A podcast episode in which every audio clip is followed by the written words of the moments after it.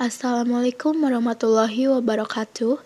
Hello, meet again with me Indah Purnamasari from English Department Kuningan University in my podcast this time to paraphrase a podcast entitled Grit the Power of Passion and Perseverance in from Angela Lee Duckworth. Angela said when she was 27 years old, she left a management consultant job for a teaching job. She teaches seventh graders mathematics in New York City. As with what other teachers do, she makes tests and quizzes. Angela also said that IQ is not the only difference between the best and worst students, and it made her think things to learn in seventh grade math like ratios, decimals, area of parallelograms, she firmly believed that every student could learn the material if they worked hard and long enough. After several years of teaching, she concluded that what was needed in education was a better understanding of learning from a motivational motivational and psychological perspective. In education, one thing must know how to measure IQ properly, but doing well in school and in life depends more on being able to learn quickly and easily.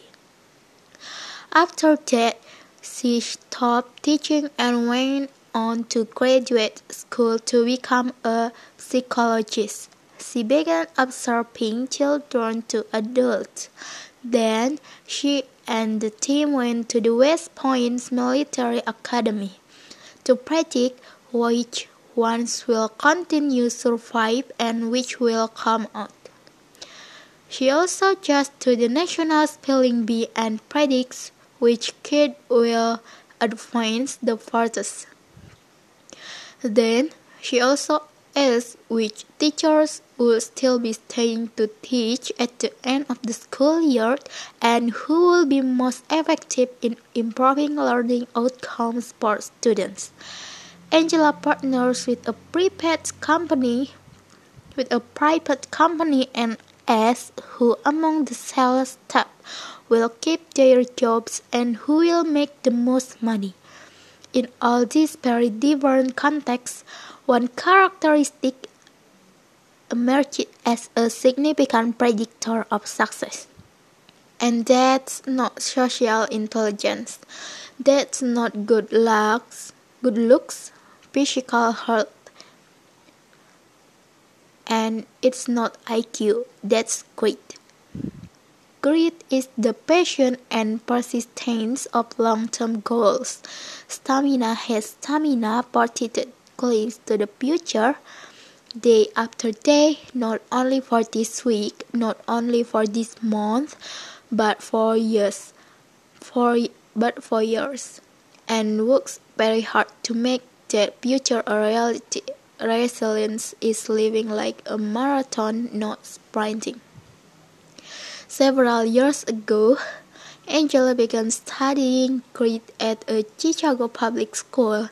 She asked thousands of high school students to take grit questionnaires and then waited about more than a year to see who would graduate. It turned out that grittier children were significantly more likely to pass even when Angela matched them on every characteristic she could measure Things like family income, standard achievement test scores, even how safe the children felt when they were around school. So it's not just West Point or the National Spelling Bee that matters. It also happens in schools, especially for children who are at risk of dropping out of school.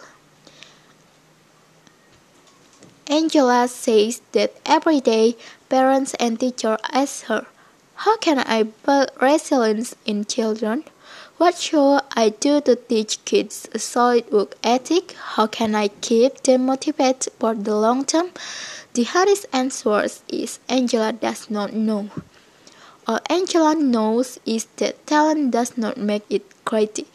The data shows very clearly that there are many talented individuals who do not keep their commitments. In fact, in her data, grit is usually not related or even inversely related to measures of talent.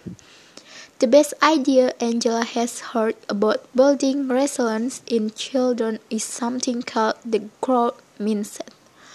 It was an idea developed at Stanford University by Carol Dweck, and it is the belief that the ability to learn is impermanent. It can change on one's own. Dr. Dweck has shown that when children read and learn about the about the brain and how the brain changes and grows in response to challenges. They are more likely to persist when they fail because they don't believe failure is a permanent condition. So, growth mindset is a great idea for building resilience.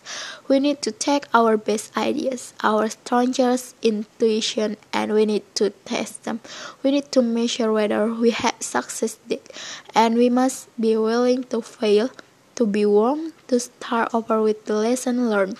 He advised, she advised used to be serious in making children brave.